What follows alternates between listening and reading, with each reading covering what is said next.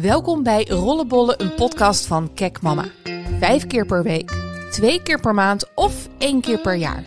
Elke aflevering hoor je een verhaal over het seksleven van een moeder. Deze week het verhaal van Charlie. Charlie is 34 en getrouwd met Jaap van 40. Samen hebben ze twee kinderen van 4 en 2,5 jaar.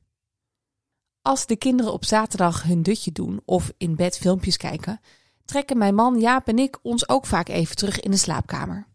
Vertrekken zij s'avonds om 7 uur naar boven, dan doen wij dat een kwartiertje later ook.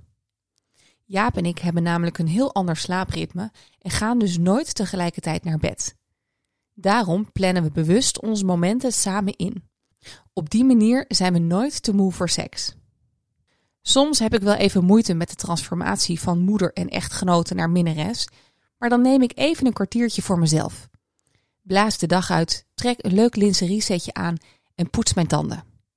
Daarna roep ik Jaap bij me en komt de zin meestal vanzelf. Jaap en ik houden ons seksleven spannend door het delen van fantasieën. Ook variëren we vaak in standjes en plekken. In de zomer seksen we graag buiten in de tuin op onze loungebanken of in de tent op de camping. Twee keer per jaar logeren de kinderen een weekend bij opa en oma en dan boeken Jaap en ik een sauna met een hotelovernachting voor wat extra quality time. Ik denk dat het ook in het belang van onze kinderen is dat wij een leuk stel blijven. Want als wij het samen goed hebben, zijn we gewoon veel leukere en relaxte ouders. Jaap en ik zijn acht jaar samen.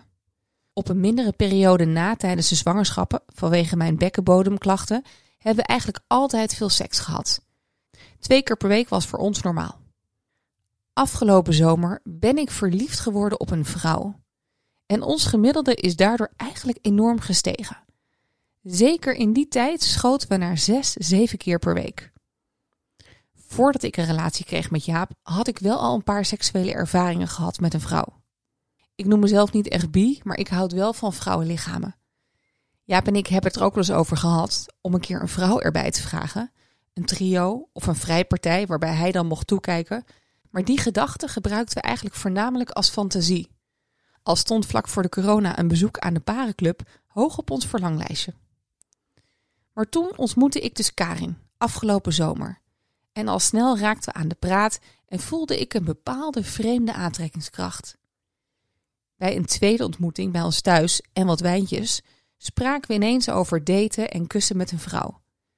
Een grote wens van haar, zo biechtte ze op. Ik raakte hotel de boter verliefd op Karen. De derde keer dat we elkaar zagen, lagen we ineens te zoenen. Terwijl Jaap beneden achterbleef, gingen Karen en ik samen naar boven, waar we elkaar op bed beminden. We streelden, kusten en likten elkaar. Jaap vond het fantastisch. Hij kwam wel even wat drinken brengen, maar liet ons daarna weer lekker gaan. Karin bleef slapen en de volgende ochtend installeerden we de kinderen voor een Disney-film en verhuisden we met z'n drieën naar onze slaapkamer. Eerst zou zij alleen toekijken, terwijl Jaap en ik seksten, maar even later deed ze toch mee. Die keer was het wel alleen oraal. Karin en hij gingen niet all the way, want daarvoor was ik toch te jaloers. Maar het samen zijn met z'n drieën was gewoon ontzettend spannend. Jaap genoot er bijna nog meer van dan ik. Anders dan ik had hij geen last van jaloezie. Hij vond het gewoon fijn om mij zo happy te zien. En hij zag me dan vervolgens ook de hele dag stralen. Op een avond moedigde hij me zelfs aan even naar Karin toe te gaan. Hij nam de verzorging van de kids op zich, zodat ik alle tijd had. We besloten Karin en haar dochter mee te vragen op vakantie. We hadden een bungalow geboekt en daarin was een kamer over. Het werden twee heerlijke, geile weken waarin ik uiteindelijk ook Jaap en Karin toestond met elkaar te neuken. Al vond ik dat nog steeds een beetje lastig. Er zijn heel wat tranen bij mij gevloeid, omdat ik letterlijk bang was dat Jaap bij me weg zou gaan. Maar ik wist ook dat het oneerlijk zou zijn van mij om hem iets te misgunnen wat hij andersom wel oké vond. Jaap en ik spraken vaak over alle gevoelens die loskwamen. Het bracht ons uiteindelijk dichter tot elkaar. Voor Jaap voelde het als een missie mij vanaf nu meer te overtuigen van zijn liefde en nog meer te bewijzen dat hij nooit bij me weg zou gaan. De ervaring met Karin gaf een boost aan ons seksleven. We doken bijna elke dag samen het bed in. Maar na drie maanden te hebben genoten van deze zomerliefde, stortte mijn wereld voorkomen in toen Karen belde met de mededeling dat ze verliefd was geworden op een man.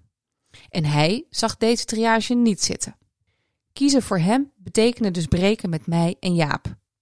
Zelfs vrienden blijven met mij alleen was geen optie. Ik was er kapot van. Ik heb echt wekenlang last gehad van liefdesverdriet. Gelukkig had ik hierbij veel steun van Jaap. Wel heeft onze vriendschap plus met Karin bij ons een interesse in polyamorie aangewakkerd. Wat zoiets betekent als een levenswijze waarin je meerdere liefdesrelaties tegelijk kunt hebben. We hebben er een aantal podcasts over beluisterd en boeken gelezen. En eigenlijk ontdekt hoe mooi het kan zijn om er als stel een partner bij te hebben. Maar het blijft ook een beetje ingewikkeld.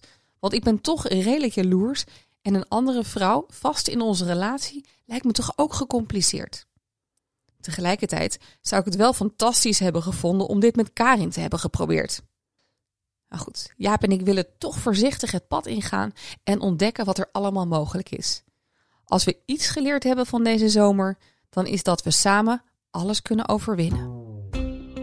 En dit was hem weer. Volgende week het verhaal van Lisa. Lisa is al meer dan 20 jaar samen met Daniel. Maar ze zijn nog lang niet op elkaar uitgekeken. Ook in bed niet. Luister je weer mee?